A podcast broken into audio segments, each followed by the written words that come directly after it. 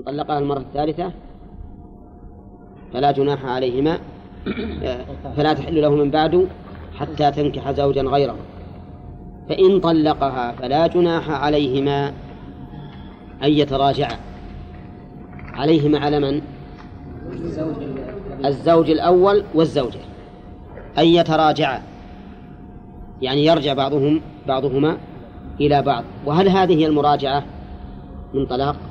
أو ابتداء عقد ابتداء عقد ما هي مراجعة من طلاق. فدل هذا على أن المراجعة في الكتاب والسنة لا تعني المراجعة في الاصطلاح وهي رد الرجعية إلى إلى النكاح بل هي أعم من ذلك. والحاصل أن هذه المسألة فيها هذا الخلاف وتحتاج إلى عناية تامة من طالب العلم لأن سبيل الاحتياط فيها متعذر. سبيل الاحتياط فيها متعذر. ماذا تريد؟ ماذا ماذا تريد أن تقول إن قلت أنا أريد الاحتياط؟ تسلك سبيل من؟ نعم. إن قلت الاحتياط بتنفيذ الطلاق مشكل وقعت في حرج. لأنك سوف تحلها إلى رجل لرجل آخر لا تحل له. صح ولا لا؟ وإن قلت الاحتياط ألا أمضيه؟ مشكل ثاني لأنك ستحلها لزوجها وهي حرام عليه هذه المسألة في باب من المسائل التي لا يمكن فيها سلوك الاحتياط التي يجب الإنسان بقدر ما يجتهد بقدر ما يستطيع أن يحقق فيها إما هذا القول وإما هذا القول. ما في خيار. ونظيرها في العبادات اختلاف العلماء متى يدخل وقت العصر؟ قال بعض العلماء لا يدخل وقت العصر إلا إذا صار ظل كل شيء مثليه. وقال الجمهور يدخل إذا صار ظل كل شيء مثله ويحرم أن تؤخر إلى أن يصير ظل كل شيء مثليه. كيف تحتاط؟ إن صليت قبل يصير ظل كل شيء مثليه؟ قال لك أولئك أنت الآن صلاتك ما تصح. حرمنا عليك ولا تصح. وإن صليت عقب ما ظل كل شيء مثليه قال لك الآخرون تأخيرك الصلاة إلى هذا الوقت حرام. فأنت الآن مشكل. من من من ترجح؟ مثل هالمسائل هذه جانب الاحتياط فيها يكون متعذرا. فلا يبقى أمام طالب العلم إلا إيش؟ أن أن يسلك طريقا واحدا ويجتهد بقدر ما يستطيع في معرفة الصواب من القولين ويستغفر الله ويمشي عليه. ولا مانع من أن الإنسان إذا مشى على هذا برهة من الزمن بناء على أن هذا هو القول الصواب ثم تبين له أن القول في أن الصواب في خلافه هل هناك مانع أن يرجع؟ لا مانع أن يرجع بل يجب أن يرجع. إذا تبين له الحق يجب أن يرجع. ثم إذا أفتى بخلاف ما كان يقوله من قبل فهل تعتبر الفتوى الأخيرة رجوعا أو لا؟ الجواب لا ما تعتبر رجوعا. يكون له في المسألة ها؟ إلا إذا صرح بالرجوع. إلا إذا صرح بالرجوع أو صرح بحصر قوله في هذا الأخير مثلا. فإنه يعتبر يعتبر رجوعا حطوا بالكم لهذه المسألة. طيب عندنا الآن إذا أفتى المجتهد بفتوى من قبل ثم أفتى بخلافها أخيرا نقول هذه لا تخلو من ثلاث حالات. إما أن يفتي بالأخير ويسكت عن الأول أو يفتي بالأخير ويصرح بأنه رجع عن الأول أو يفتي بالأخير ويأتي بما يدل على انحصار قوله فيه ففي الحالة الأولى ها؟ في الحالة الأولى؟ يكون له في المسألة قولان ولا نقول أنه رجع لأن المجتهد كما تعرفون يرى في وقت من الأوقات أن الصواب في هذا ثم يأتي مثلا ترد عليه أدلة ما كانت بانت له من قبل أو يأتي في المسألة مناقشة ومع المناقشة تتمحص الأشياء وتتبين فيختلف اجتهاده. ولكن كما قال العلماء الاجتهاد لا ينقض بالاجتهاد. ولهذا الإمام أحمد رحمه الله تجدون عنه في كثير من مسائل الفقه يكون فيه يكون هو يكون له فيها روايتان. روايتان كثير. راجعوا المقنع يتبين له دائما على روايتين فيه روايتان وكذا وكذا. الثاني قلنا إذا صرح بالرجوع فالأمر واضح. مثلنا لكم مرة بمثال للإمام أحمد. في مسألة طلاق السكران. إنه كان بالأول يقول بطلاق السكران يقول ثم تبينت فوجدت أني إذا أوقعته أتيت خصلتين وإذا لم أوقعه أتيت خصلة واحدة. أما الحال الثالثة الذي يحصل قوله فيه فيمكن أن نضرب لذلك مثلا بحال أبي الحسن الأشعري. أبو الحسن الأشعري كان في أول أمره؟ معتزليا هو أشعريا هو اسمه الأشعري. كان معتزليا على مذهب المعتزلة تماما. ينصره ويدافع عنه وبقي على هذا نحو أربعين سنة. لكن من شاء الله أن يهديه هداه. ثم اتصل بعبد الله بن سعيد بن كلاب وهو أحسن من المعتزلة بكثير فأخذ منه وتأثر به وترك مذهب المعتزلة. ثم إنه أخيرا ذكر في كتابه الإبانة وهو من آخر ما صنف أو آخر أو آخر ما صنف أن قوله ينحصر في مذهب الإمام أحمد بن حنبل. لأنه قال فإن قال قائل بما تق... بما بماذا تقولون؟ قال نقول بقول الإمام أحمد بن حنبل. وهذا معناه أنه رجع عما سبق. لكن ما قال وأرجع إلا أنه لما رجع مذهب المعتزلة صرح بالرجوع عنه صار يذمهم ويسبهم وبين معائبهم رحمه الله. الشاهد الآن أن بالحقيقة هذه أتينا بها لأنها مفيدة لطالب العلم. مفيدة لطالب العلم وأنه يجب على طالب العلم إذا بان له الحق أن يرجع إلى الحق. أن يرجع إلى الحق. النبي عليه الصلاة والسلام أحيانا يفتي ثم يأتيه الوحي فيرجع عن كتابه وهو النبي صلى الله عليه وسلم. لما جاءه رجل وسأله عن عن عن, عن الشهادة هل تكفر؟ قال تكفر كل شيء. ثم انصرف الرجل ثم دعاه فقال إلا الدين أخبرني بذلك جبريل آنفا. نعم. كذلك أيضا عمر بن الخطاب رضي الله عنه روي عنه في مسألة الحمارية روايتان. رواية في الأول أنه منع الإخوة الأشقة من من الاشتراك مع الإخوة من الأم. ورواية الثانية؟ شركهم. وقال ذاك على ما قضينا وهذا على ما نقضي. وكذلك الأئمة أئمة أهل الدين كلهم يكون لهم في المسألة رأيا حتى أبو حنيفة مرة قال لرجل لا تأخذ بقول. إني أقول القول اليوم وأقول غيره غدا. نعم. ولكن عليك بالكتاب والسنة. فالحاصل انتبه. الحاصل الآن أننا نقول هذه المسألة أعني مسألة الطلاق في الحيض من أكبر مهمات هذا الباب. ويجب على الإنسان أن يصل أن أن يحققها بقدر ما يستطيع حتى يصل فيها إلى ما يتبين له. لأن المسألة ما في احتياط. ثم المسألة خطيرة. افرض أن هذا الرجل طلق في الحيض امرأة هذه آخر تطليقة. ولا لا؟ نعم. هذه خطيرة. هذه يعني أما نحل له ولا نحرم عليه حتى تنكح زوجا غيره.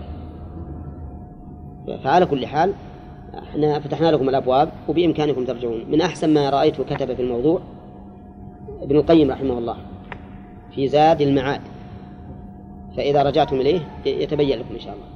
أما شيخ الإسلام رحمه الله فتعرفون إن الشيخ يعني كلامه غالبا يكون مجملا مع أنه في مسائل الطلاق لما ابتلي بها هو رحمه الله صار يحققها ويكثر من ذكر الأدلة. نعم. ولكن ابن القيم بالحقيقة آه، مثل ما نقول آه، شيخ الإسلام يبني العظم. وابن القيم يليس نعم. ويزين ويصبغ نعم؟ ويجيب أشياء يعني يوضح فيها كلام كلام شيخه. وليس معنى ذلك إن, إن ابن القيم هو هو شيخ الإسلام. ابن القيم أحيانا يخالف شيخه. أولى نعم. لكنه رحمه الله تأثر به بلا شك وبآرائه والغالب أنا حسب علمي مع قصوري الغالب أن شيخ الإسلام رحمه الله دائما موفق للصواب. غالب ما يختار يكون هو الصواب. فالمهم من هذه المسألة في الحقيقة ما يكفيها هذه الجلسة لأنها مسألة من كبائر المسائل.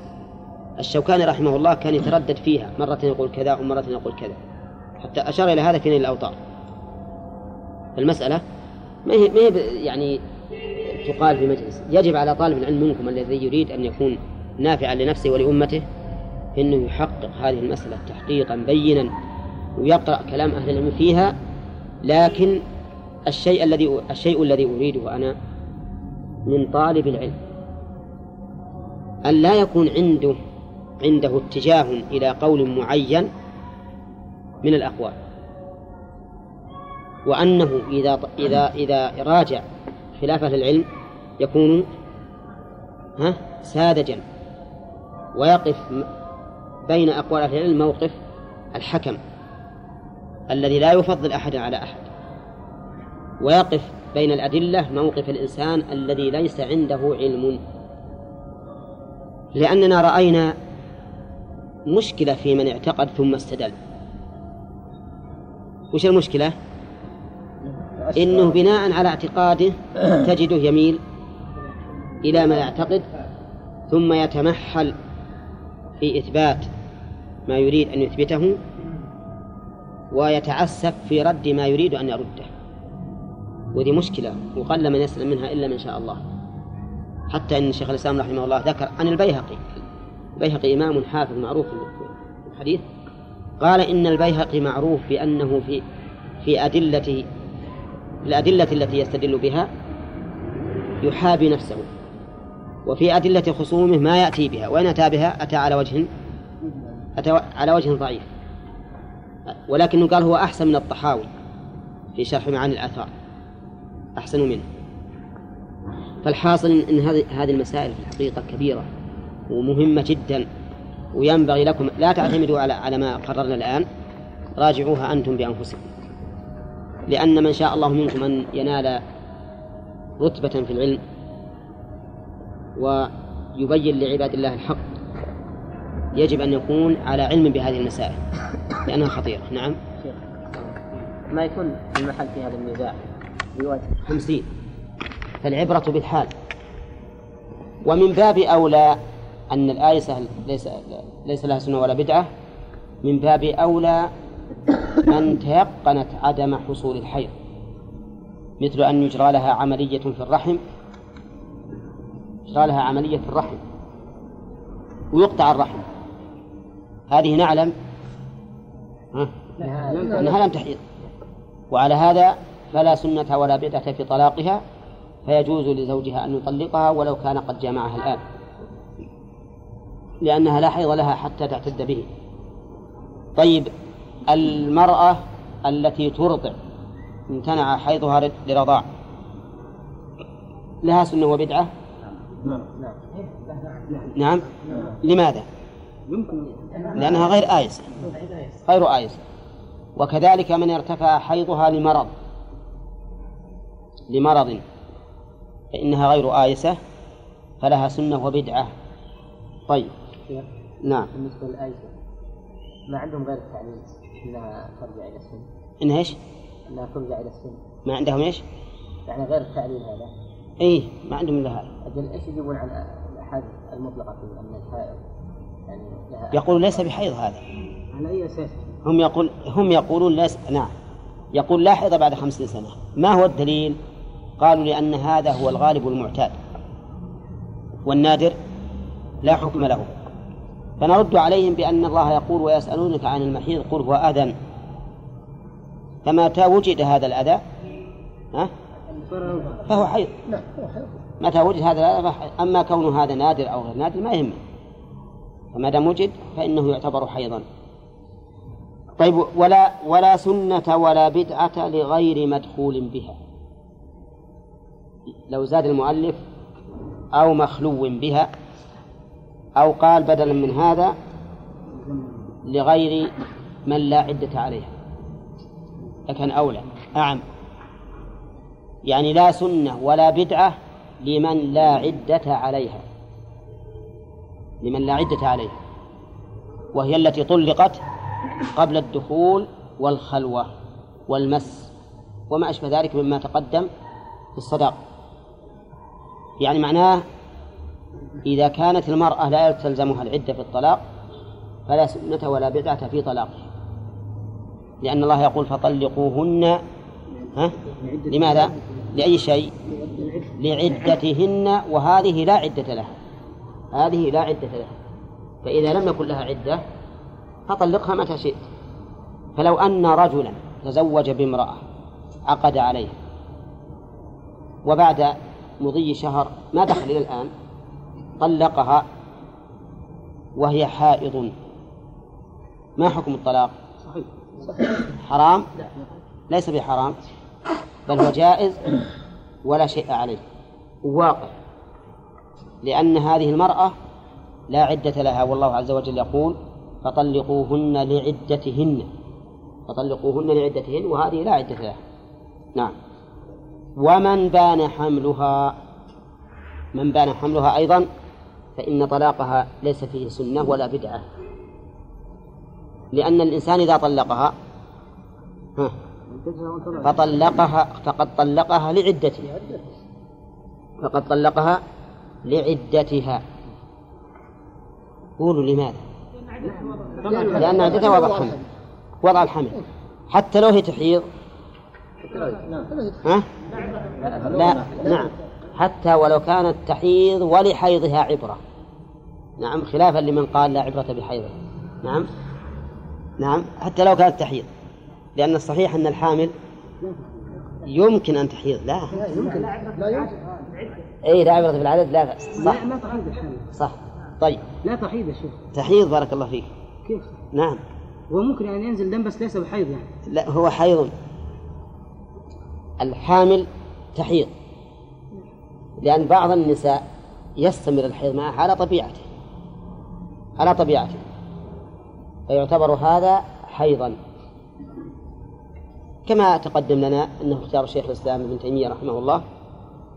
ولكن إذا انقطع عنها الدم وصار فيها الحمل ثم جاءها دم فهذا الدم ليس بحيض لأنه ليس الدم العادي الطبيعي. إذن إذا طلق الإنسان امرأته وهي حامل فلا نقول طلاقه هذا سنة ولا نقول إنه بدعة.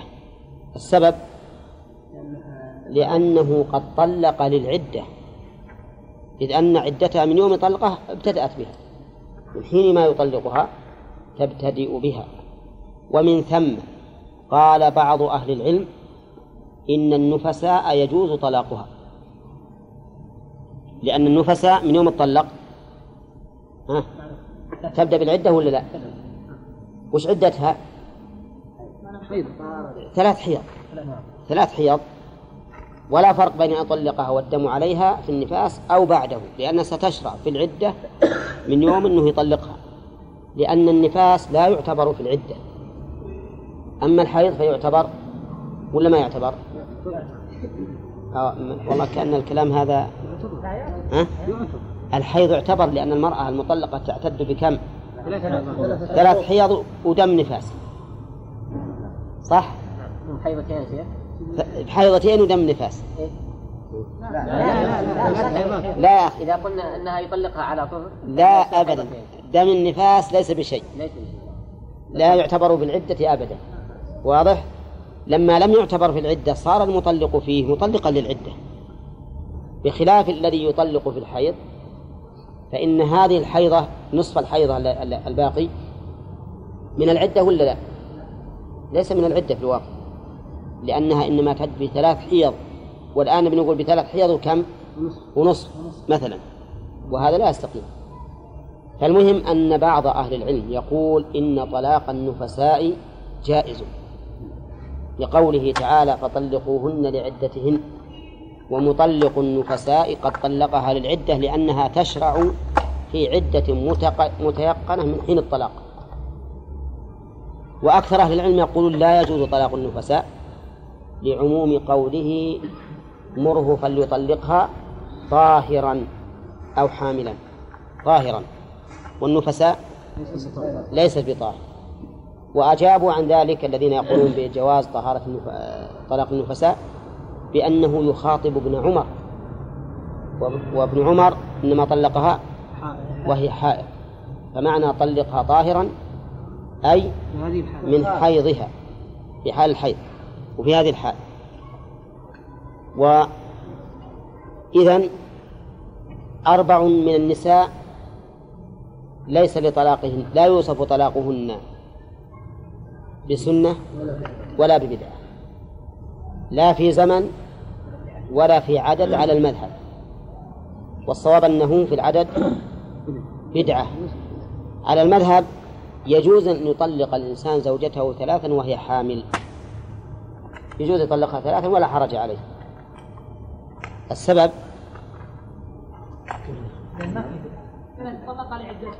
إيه لا ثلاثا.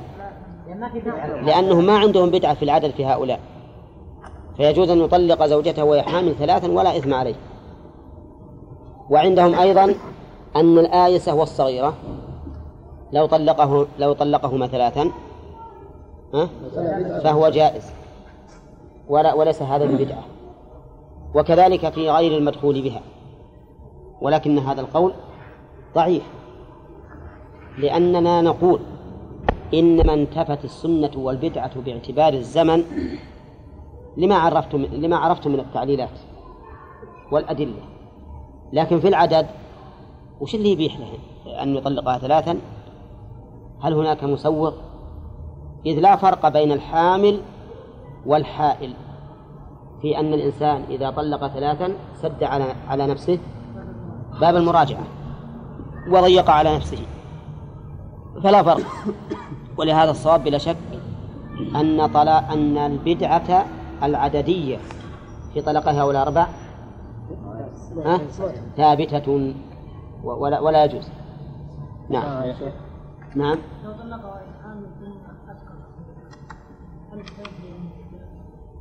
إي نعم نعم. تنتهي من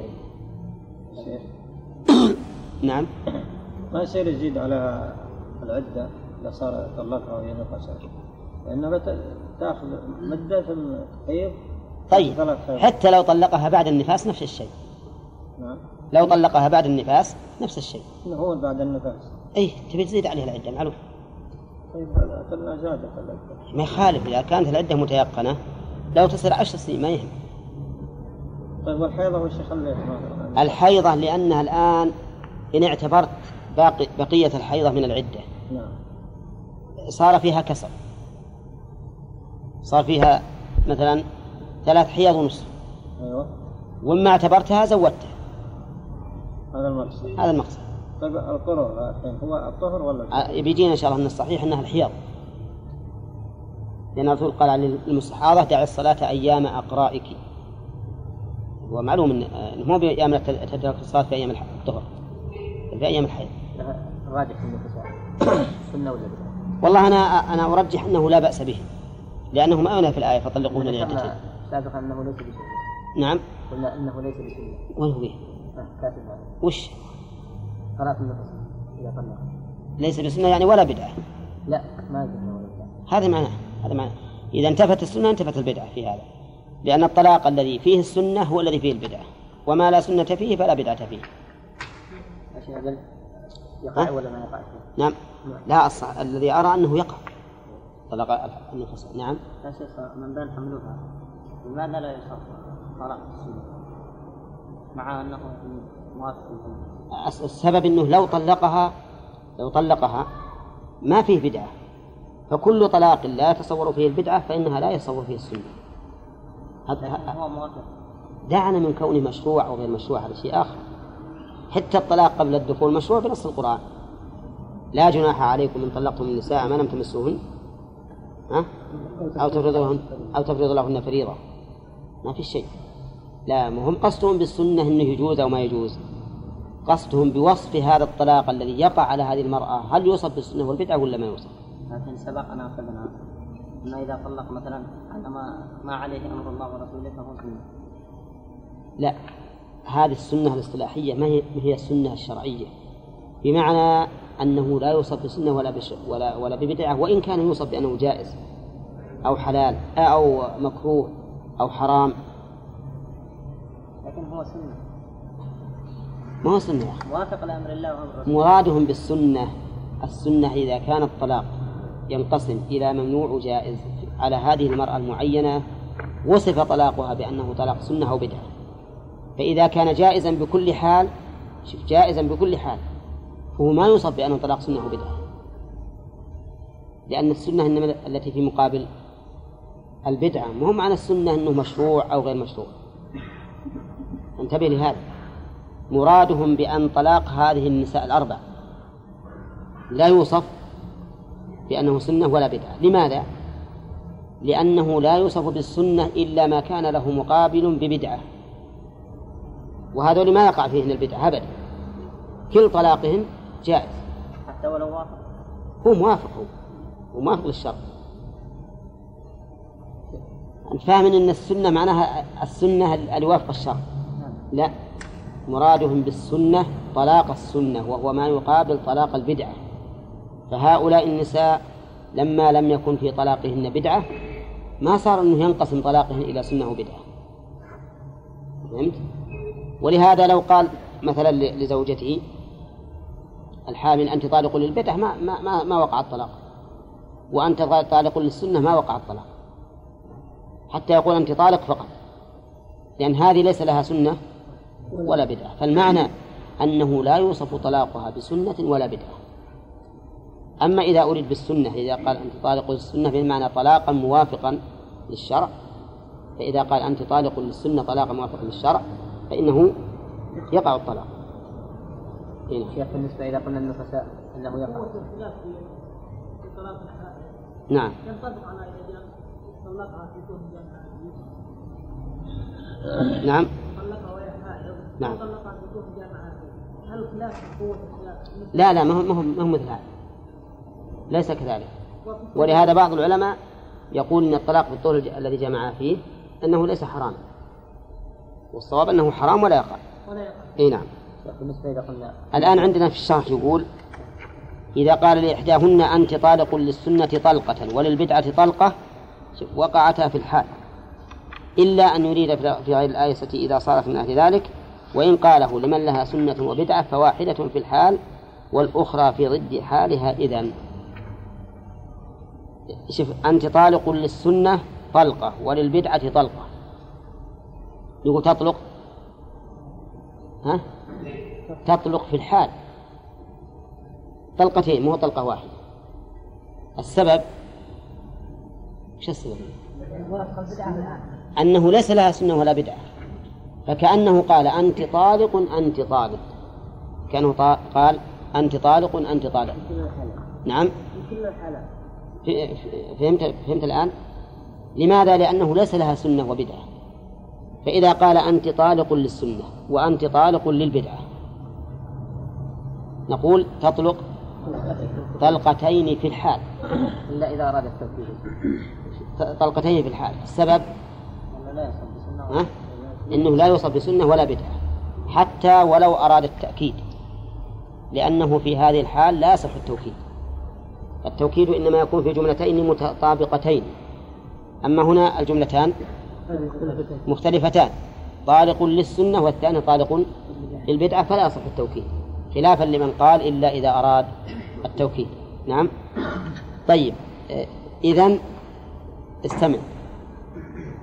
إذا قال لمن لها سنة وبدعة أنت طالق للسنة وهي الآن عليها حيض. الآن عليها حيض. تطلق ولا لا؟ ما تطلق. والسبب؟ لأن الطلاق الآن بدعة تنتظر حتى تطهر وحينئذ يقع عليها الطلاق. يقع عليها الطلاق. للسنة وللبدعة نظرنا. تقع واحدة في الحال على كل حال. إذا أنت طالق للسنة وأنت طالق للبدعة. تقع واحدة في الحال على كل حال. لأنها إما على سنة وإما على بدعة. والثاني تقع إذا كانت إذا كانت على ضد هذه الحال. فإن كانت الآن على السنة وش اللي يتأجل؟ طلاق البدعة.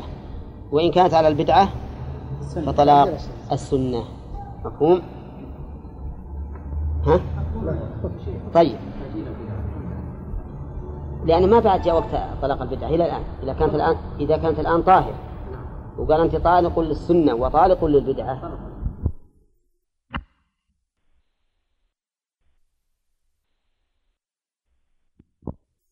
يقول هؤلاء ليس لهم من سنة ولا بدعة.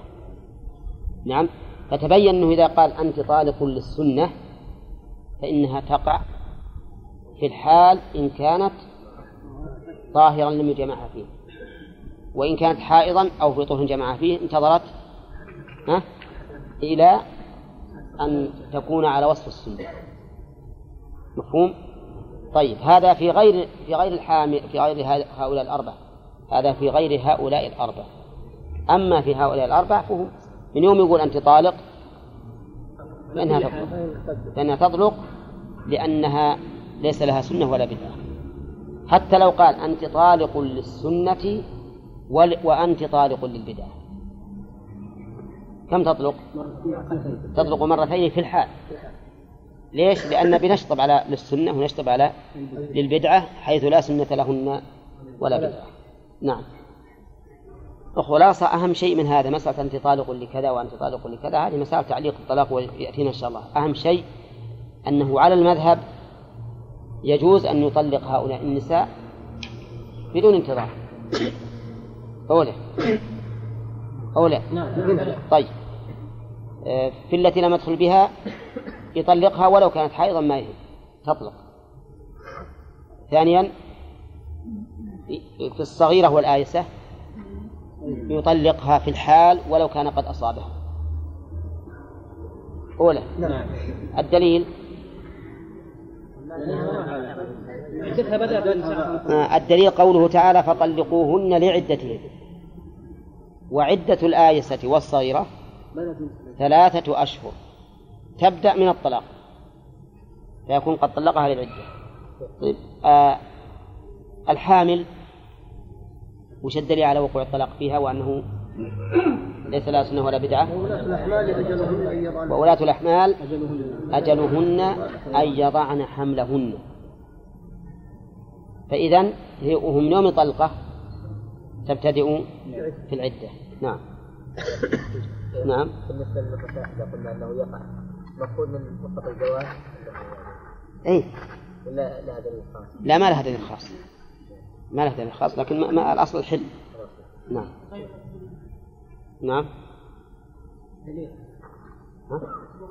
الدليل قوله تعالى فطلقوهن بعدتهن لأن هذه ما لها عدة. فيكون طلاقها جائزا بكل حال بدون انتظار.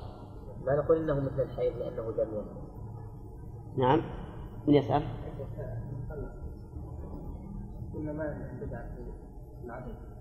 نعم. أي نعم. ها؟ ما لهم تعليل أبدا. ما لهم تعليل. يمكن تعليل في غير المدخول بها بأنهم يقولون إذا قال أنت طالق أنت طالق وأنت طالق وقع الطلاق في الأول ولم يلحقه الثاني لأنها ليست بعدة هذا وجيه. إذا كان مت... يعني متعاقد لكن إذا قال أنت طالق ثلاثا وقع الثلاث. غير المدخول بها. أي أي. لا هذا المذهب. الجمهور تقدم من المذهب الشافعي جواز العدد جواز الثلاث بدون أي شيء أي شيء. نعم. ما لا ما نقيس لأنها ما كل منهما دم يعني. لا لكن ما هو العلة الدم. العلة أنه يطلق للعدة. فإن طلق للعدة جاز الطلاق وإلا فلا. وطلاق النفساء تبتدي العدة من يوم الطلق نعم أيهن نعم. فاللي, فاللي طلقها طاهرا قالوا إنه يخاطب في امرأة تحيض لا مو على بره. يعني فليطلقها هذه المرأة طاهرا أو حاملا. هو الآن يوجه الخطاب إلى من؟ إلى ابن عمر الذي طلق امرأته وهي حائض فهمت؟ فالعبرة بعموم اللفظ إذا وجد إذا نعم نقول هذا ما يخص ابن عمر يخص كل إنسان طل... يعم كل إنسان طلق امرأته في حال الحيض فهمت؟ لكن العلة التي أمر الرسول قال فتلك العدة التي أمر الله أن تطلق لها النساء تلك العدة التي أمر وش الله أمر؟ طيب النفس إذا طلقها. ابتدأت في العدة من الآن. لأن هذا النفاس ما يحتسب. فدل هذا على أن المراد في حديث ابن عمر من كان في مثل حال ابن عمر وهذا هو العبرة من عموم اللفظ. أن اصبر يا أخي ما دام نشرح الواحد لا أحد يتكلم. فهذا هو السبب في أن نقول العبرة بعموم اللفظ بمعنى أنه لا يختص بابن عمر نفسه لكنه يعم من كان مثله. مثل ما مر علينا في قول الرسول عليه الصلاة والسلام ليس من البر الصيام في السفر. هذا عام. لكنه إنما يعم من؟ من كان في مثل حال ذلك الرجل الذي كان متكلفا أما غيره فقد يكون من البر الصيام في سفره. فهذا ينبغي أن يعرف طالب العلم وش معنى العموم وش معنى الخصوص. العموم من حيث المعنى دون الشخص. من حيث المعنى دون الشخص. وليس المراد عموم الأحوال في كل حال. فهنا نقول العبرة بعموم اللفظ لا بخصوص السبب. فلا نقصر الحكم على من؟ في حديث ابن عمر. على ابن عمر. لكن نقول هو عام في كل من شابه حال ابن عمر. أما من خالفها فلا. فنأتي على كلمة طاهر. فإذا قال قائل النفساء ليست بطاهر والرسول عليه الصلاة والسلام يقول مره فليطلقها طاهرا أو حاملا طاهرا أو حاملا. مفهوم؟ ثم بين الرسول صلى الله عليه وسلم ذلك بقوله فتلك العدة التي أمر الله أن تطلق لها النساء. فما هي العدة التي أمر الله أن تطلق لها النساء؟ هو قوله فطلقوهن لعدتهن. والنفساء مطلقة لعدتها إذ أنها تشرع في العدة من حال الطلاق. مثل ما لو طلقها بعد أن طهرت من النفاس فإنها تبدأ بالعدة من حال الطلاق. نعم. فيها نعم. أقول إن جمعها بعد انقضاء النفاس قبل أن تحيض يعني أي نعم. كيف تكون إن جامعها تبقى ما يجوز يطلقها لرجال الحيض لو بقت سنتين ما ما ما, ما في بأس. نعم. عم قاعدة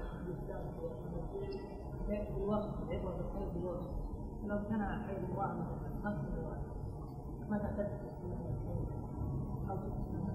لا الشيخ ما ما قال يقول إذا إذا امتنع حيضها وعلمت أنه لن يرجع فهي آية.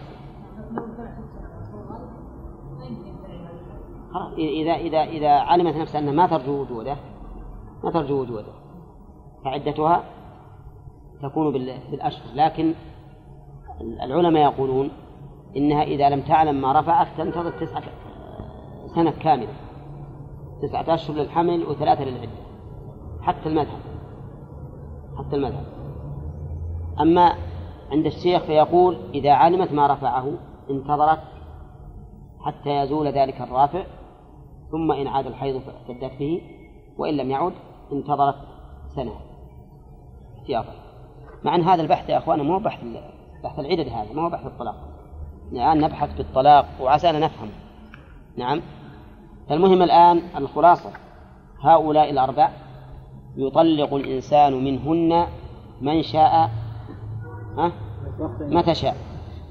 متى شاء؟ ليس في طلاقهن سنة ولا بدعة بمعنى أن طلاقهن لا يوصف بأنه طلاق سنة ولا طلاق بدعة. لماذا؟ لأن طلاق السنة لا يكون إلا حيث يكون طلاق البدعة وهؤلاء لا بدعة في طلاقهن وذلك لأن من لم يدخل بها ها؟ فليس لها عدة. ليس عليه عدة. فيطلقها متى شاء والصغيرة والآيسة من يوم يطلقها تشرع في العدة فقد طلقها لعدتها. ومن بان حملها كذلك تشرع في العدة من حين ما يطلقها فقد طلقها لعدتها وأصل كل ذلك قوله تعالى فطلقوهن لعدتهن. ثم قال المؤلف رحمه الله وصريحه يعني صريح الطلاق لفظ الطلاق وما تصرف منه. صريحه لفظ الطلاق وما تصرف منه. لفظ الطلاق مثل أن يقول أنت طالق أو أنت الطلاق. إذا قال أنت الطلاق طلقت. كيف أنت الطلاق؟ نعم. لأن الطلاق اسم مصدر. اسم مصدر طلق يطلق والمصدر لا تطليقا. واسم المصدر طلاق. فإذا قال أنت الطلاق فقد جعلها نفس الطلاق مبالغة. مبالغة. أو على أن نجعل الطلاق اسم المصدر بمعنى اسم الفاعل يعني أنت طالق أو على أن نجعلها على تقدير مضاف أي أنت ذات الطلاق. وهذا مر علينا وهو أنه إذا وصف الفاعل بالمصدر فله ثلاثة توجيهات. إما أن يكون وصف به مبالغة أو أن المصدر بمعنى اسم الفاعل أو أنه على تقدير مضاف كما في قوله تعالى ولكن البر من آمن بالله وتقدم لنا هذا في التفسير. كذلك ما تصرف منه ما تصرف منه مثل أنت طالق أنت طالق أو طلقتك نعم أو أنت مطلقة واستثنى من المؤلف ما تصرف منه قال غير أمر ومضارع ومطلقة اسم فاعل. غير أمر مثل إيش؟ لا أطلق تطلق. أمر مضاف لها. شوف له. غير أمر مضاف لها. مثل طلقي. طلقي هذا ما يقع الطلاق معلوم. أو مضارع أيضا مضاف لها. مثل تطلقين نعم. أو مطلقة اسم فاعل. أو مطلقة اسم فاعل. لماذا؟ لأن الطلاق المتصرف هنا في هذه الصيغ مضاف إلى من؟ إليها هي. وهي غير مطلقة. فإذا جاء الأمر طلقي. يا فلانة طلقي. نعم. ما نقول يقع الطلاق. أولى. لأن الطلاق منها أو عليها؟ خل الصيغة لكن أصل الطلاق. عليها لا منها. وطلقي هذه منها. كذلك تطلقين. تطلقين. هذا أيضا منها. لا عليها مطلقة اسم فاعل. ها؟ منها أيضا. منها. أما لو قال مطلقة فعليها ويقع الطلاق. اسم مفعول. نعم. ها؟ لا ما يصير توكيد.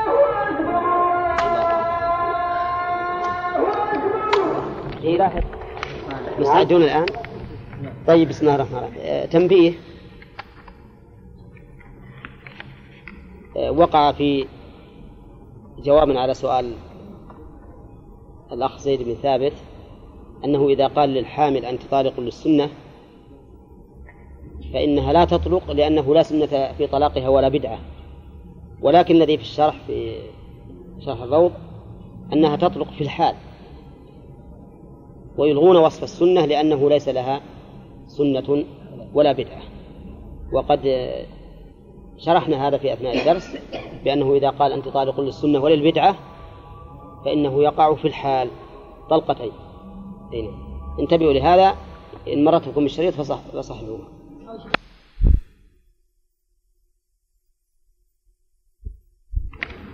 به أي بالصريح. فيقع به يعني فيقع الطلاق بالصريح. إذا قال الإنسان لفظ الطلاق الصريح وقع. ولكن تقدم لنا أنه لا يصح إلا من زوج. ها؟ من زوج أو وكيله. ولا بد أن أن يكون من مميز. إيه. من مكلف أو مميز يعقله. فإذا وقع الطلاق من أهله نقول سيدة.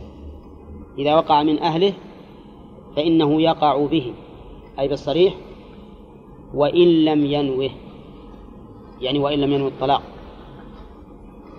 مثل إنسان قال لزوجته أنت طالق ولا نوى شيء ما نوى شيء بس قال أنت طالق ولا نوى الطلاق. وهو يعرف معنى أنت طالق. معنى أنت طالق يعني أنني فارقتك. فإنه يقع الطلاق به وإن لم ينوه وذلك لأنه فراق معلق على لفظ فحصل به. وليس عملا يتقرب به الإنسان إلى ربه حتى نقول إنما الأعمال بالنيات. هذا هذا لفظ فراق يحصل به أي بهذا اللفظ. فمتى وجد تم الفراق. مثل البيع والشراء والإجارة والهبة. إذا حصل من الإنسان لو ما نوى ما دام وجد لفظ يحصل به الفراق فإنه يقع به. وهذا هو المشهور من مذهب الإمام أحمد أنه يقع الطلاق بالصريح وإن لم ينوه.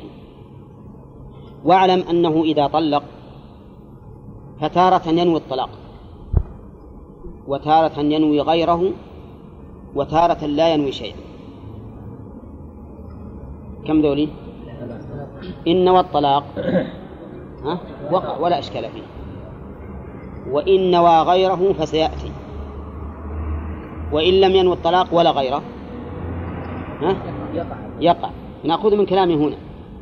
فيقع به وإن لم ينوه. وقال بعض أهل العلم إنه إذا لم ينوه فإنه لا يقع. لأن الله سبحانه وتعالى يقول لا يؤاخذكم الله باللغو في أيمانكم ولكن يؤاخذكم بما عقدتم الأيمان. مع أن اليمين له حكم. له حكم معلق عليه ولا لا؟ له حكم معلق عليه. فإذا حلف الإنسان تعلق الحكم بيمينه بلفظه. ومع ذلك لم يجعله الله سبحانه وتعالى معتبرا إلا إذا إلا إذا نواه. بما عقدتم الأيمان. فإذا كان اليمين لا ينعقد إلا بالنية فالطلاق أيضا لا ينعقد إلا بالنية. فمن لم ينوه لم يقع. ولكن لاحظوا أنه سبق لنا أن من لم ينوه لإغلاق فإنه لا يقع. هذا معروف. لكن كلامنا اللي ما عنده إغلاق ولا شيء. وهذا القول كما ترون تعليله قوي جدا. وكيف يؤاخذ الإنسان بلفظ جرى على لسانه بدون قصد؟ لكن الذين يقولون بالمؤاخذة به يقولون إن اليمين حق بينه وبين الله وقد عفى الله عنه. والطلاق حق بينه وبين غيره.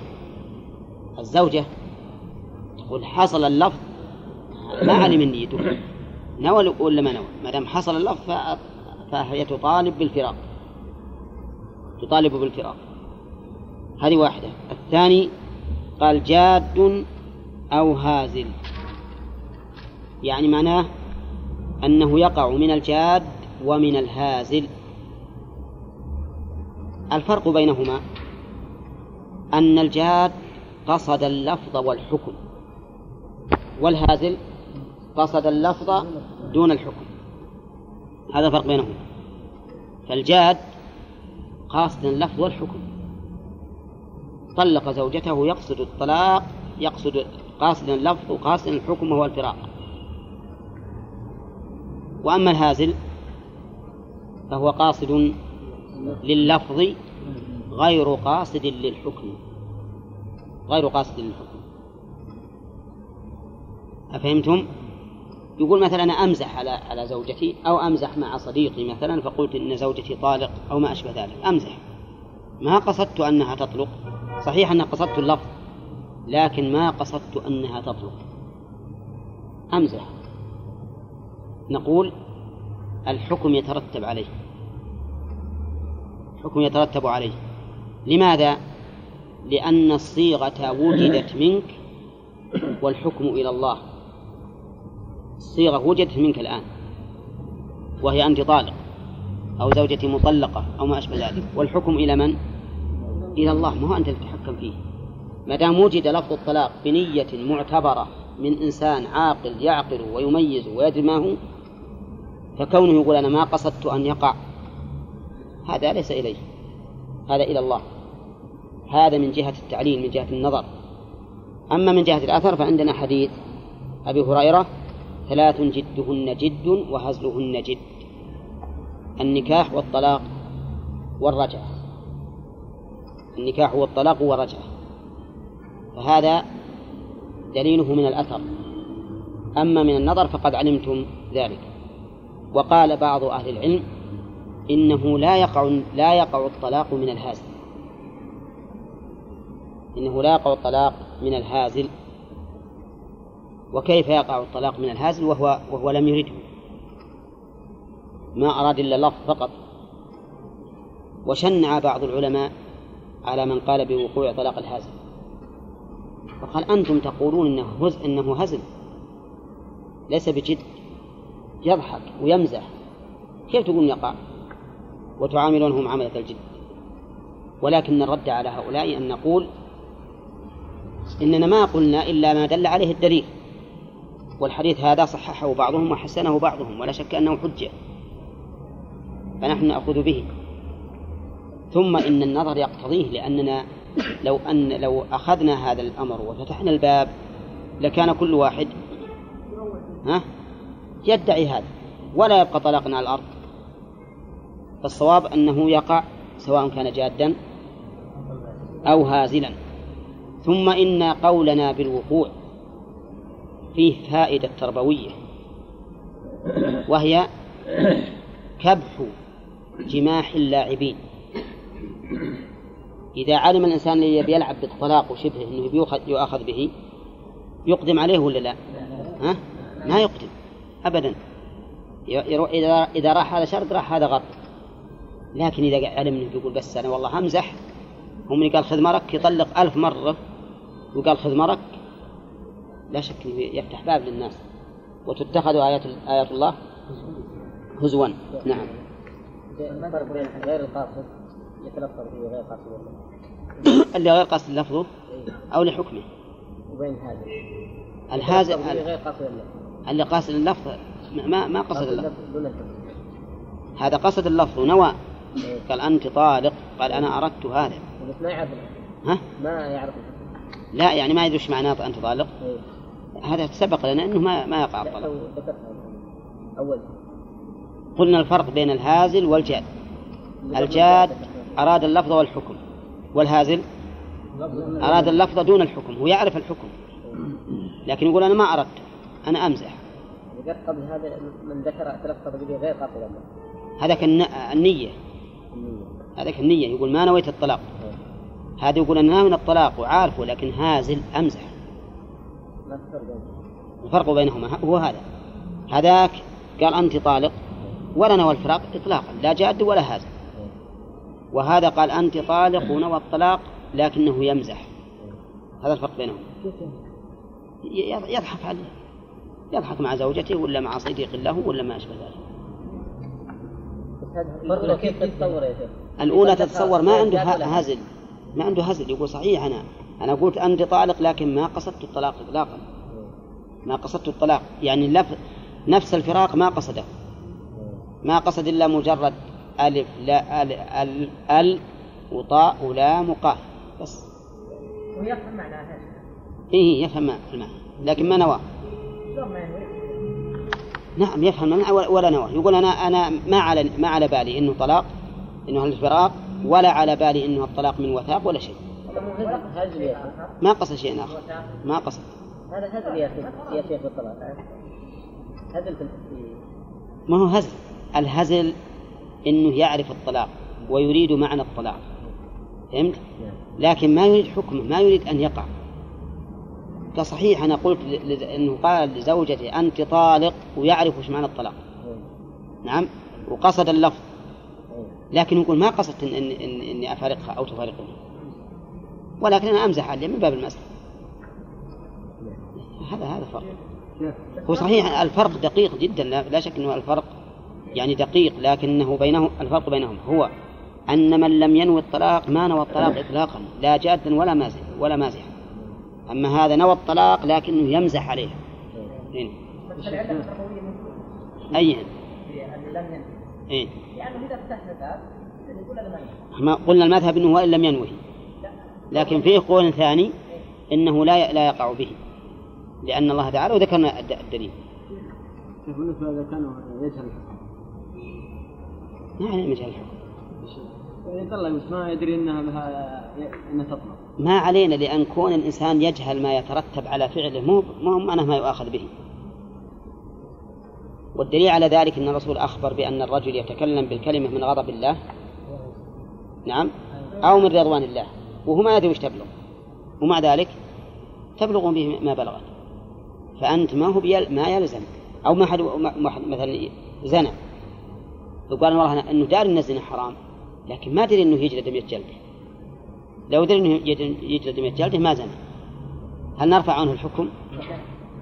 فجهل الإنسان بترتب أحكام فعله عليه هذا لا يعذر به. ما دام عرف أن هذا الشيء محرم أو هذا الشيء واجب كونه ما يدري وش ترتب ما هو بلازم. مثلا إنسان أحرم بالعمرة أحرم بالعمرة. ويدري إن- إن إن العمرة واجبة مثلا. لا- قال والله أنا بهون. ما طال علي المدة ليش هو؟ ما يمكن. قال أنا ما دريت أن الواحد إلا منه اعتما- إلا منها أحرم أحرم لازم يتمم. وش نقول؟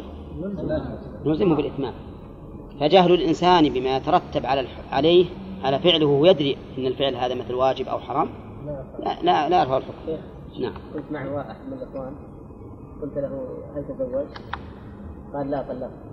وما طلق عنده. يبي يجيها يبي يجينا الحين يبي يجينا نعم. اتركها بس يا رجال اتركها معها نعم. خلونا نعرف الآن اللي بالكتاب. وفروع الطلاق ال- يعني حاطين العلماء يمكن ستين صفحة في الطلاق وفروع. نعم. وأنت وأنت وإن كان قلت وإن كان قلت مثل اللي أقول أنت طالق وما أشبه ذلك ومنحدث هذه ما علينا منها. تصويرات ما علينا منها. إحنا ودنا الآن ما بعد وصلنا إلى التفريعات ودنا نعرف الأصول. اللي نضبط به ما يقع وما لا يقع. أحسن نمشي أحسن. نعم. نمشي أحسن. لأننا ابتدائيين. طيب. فهمنا الآن إذا إذا ألقى الإنسان الطلاق بلفظ صريح. نعم. حكمه. يقع به الطلاق. سواء نواه أم لم ينوه أو نوى غيره. وسواء كان جادا أم هازلا. خذوا القاعدة هذه. قال المؤلف فإن نوى بطالق من وثاق. إن نوى بطالق يعني إن نوى بكلمة طالق إن نوى بها طالقا من وثاق. نوى بكلمة طالق طالقا من وثاق. نعم. هل يقبل؟ يقول المؤلف الجواب ذكر عدة مسائل ثم قال لم يقبل حكما. لم يقبل حكما. هو قال لزوجته أنت طالق. قالت الحمد لله أن الله فكن منك. خلاص طلقت قال لا أنا ناوي طالق من وثاق يعني ما قيدت يديك ورجليك. يعني يديك ورجليك غير مقيدة. هذا معنى طالق من وثاق. ماذا نقول؟ اللفظ يحتمل ولا ما يحتمل؟ ها؟ يحتمل. يحتمل. نقول لا يقبل حكما. كلما سمعت لم يقبل حكما يعني لم يقبل عند المحاكمة. عند المحاكمة. إن رافعته وحاكمته ما يقبل. لأن السبب أنه ما يقبل. لأن ما يدعيه خلاف ظاهر لفظه. لأن ما يدعيه خلاف ظاهر لفظه أفهمتم يا جماعة؟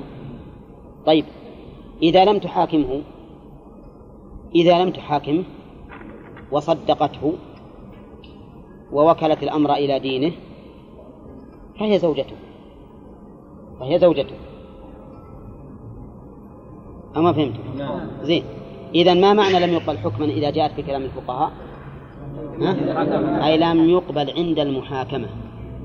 وأما فيما بينه وبين الله فإنه يقبل فإذا رضيت الزوجة بدينه وقالت نعم هذا رجل أنا أصدقه. إنه يريد بقوله أنت طالق أي من وثاق. فإنها لا فإنه لا, لا تطلق.